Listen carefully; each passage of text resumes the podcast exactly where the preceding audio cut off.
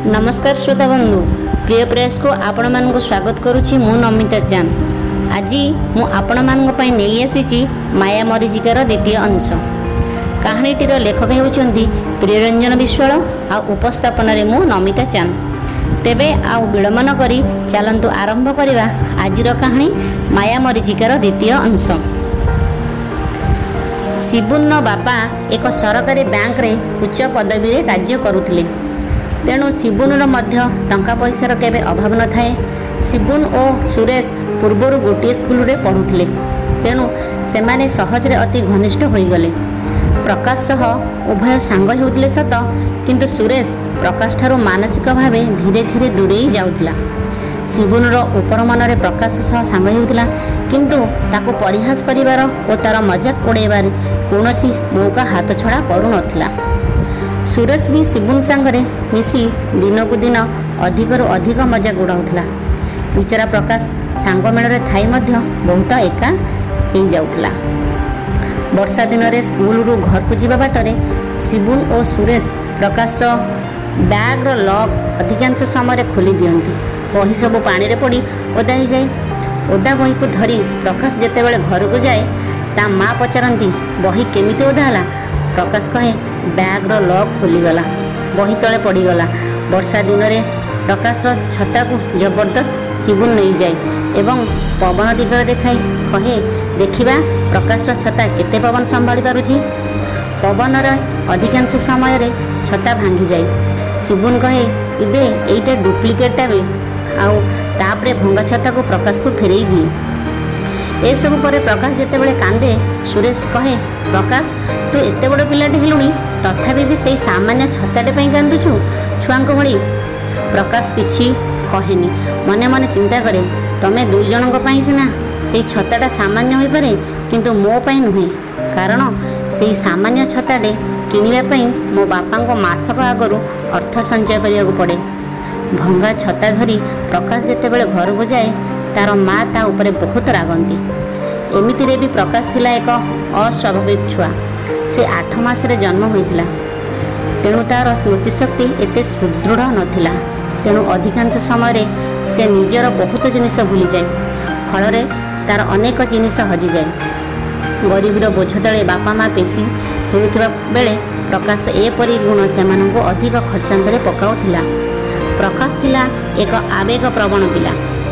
କାହାର ଦୁଃଖ ସେ ସହିପାରୁନଥିଲା ଏମିତିରେ ତାର ମଜାକ ଉଡ଼ାଉଥିବା ଲୋକମାନଙ୍କର ଦୁଃଖ କଷ୍ଟ ଦେଖି ସେ କାନ୍ଦି ପକାଏ। ଶ୍ରେଣୀ ଗୃହରେ ପ୍ରକାଶର ନାଁରେ ମିଛ ସତ କହି ଶିବୁନ ସାର୍ଙ୍କ ପାଖରୁ ତାକୁ ମାଡ଼ ହୋଇଥାଏ। ସପ୍ତମ ଶ୍ରେଣୀରେ ପ୍ରଧାନ ଶିକ୍ଷକ ଅଫିସ ଗୃହ ସଜାଇବାର ଦାୟିତ୍ୱ ଦେଇଥିଲେ। ପ୍ରକାଶ ସବୁଦିନ ଟାଇମ୍ରେ ପହଞ୍ଚି ସବୁ ସଜେଇ ରଖିଦିଏ। କିନ୍ତୁ ଦିନେ ପ୍ରକାଶ ଆସିବା ପୂର୍ବରୁ ଶିବୁନ ଓ ସୁରେଶ ଅଫିସର କଲିଂ ବେଲ୍କୁ ଭାଙ୍ଗି ଚୁପଚାପ ଥୋଇଦେଇ ସାର୍ଙ୍କୁ ଯାଇ କହିଲେ ପ୍ରକାଶ କଲିଂ ବେଲ୍ଟା ଭାଙ୍ଗିଦେଲା। ଏପଟେ ଏ ବିଷୟରେ ସମ୍ପୂର୍ଣ୍ଣ ଅଜ୍ଞ ପ୍ରକାଶ ବେଲ୍ ଉପରେ ହାତ ରଖିଛି। କି ନାହିଁ ସାର୍ ଆସି ପ୍ରକାଶକୁ ବହୁତ ବାଡ଼େଇଥିଲେ।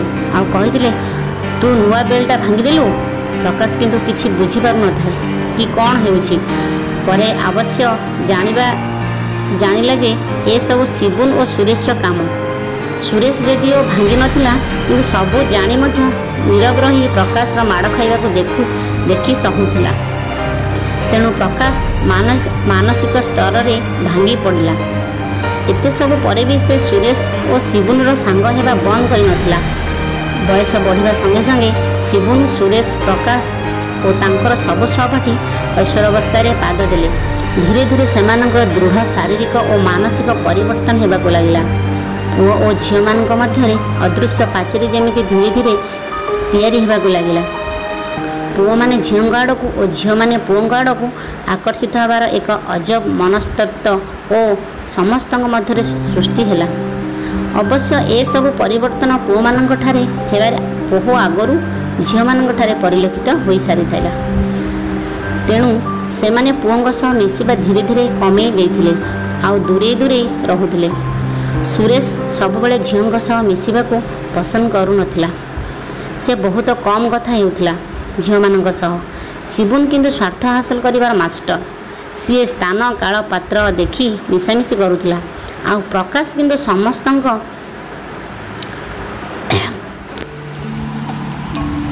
ଆଉ ପ୍ରକାଶ କିନ୍ତୁ ସମସ୍ତଙ୍କ ସହ ବହୁତ ଭଲ ଭାବରେ ମିଶୁଥିଲା। ଏବେ ପ୍ରକାଶ ଶିବୁନ ସୁରେଶର ସପ୍ତମ ସରିଗଲା। ସମସ୍ତେ ଅଷ୍ଟମ ଶ୍ରେଣୀରେ ନାମ ଲେଖାଇଲେ। ରତନପୁର ପଞ୍ଚାୟତ ହାଇସ୍କୁଲରେ ପଞ୍ଚାୟତର ଏକମାତ୍ର ସରକାରୀ ଉଚ୍ଚ ବିଦ୍ୟାଳୟ। ତେଣୁ ପାଖ ଗାଁମାନଙ୍କୁ ଅନେକ ନୂଆ ପୁଅ ଝିଅ ମଧ୍ୟ ନାମ ଲେଖାଇଲେ। ତେବେ ଆଜି ପାଇଁ ଏତିକି। ହେଲେ ଏଇ ଅଂଶଟି ଆପଣମାନଙ୍କୁ କିପରି ଲାଗିଲା ମତାମତ ଦେବାକୁ ଭୁଲିବେନି। ହଁ ମାୟା ମରିଚିକାର ତୃତୀୟ ଅଂଶ ଅତି ଶୀଘ୍ର ନେଇ ଆସିବି ମୁଁ ଆପଣମାନଙ୍କ ପାଇଁ। ସେତେବେଳେ ପର୍ଯ୍ୟନ୍ତ ମୋତେ ବିଦାୟ ଦିଅନ୍ତୁ।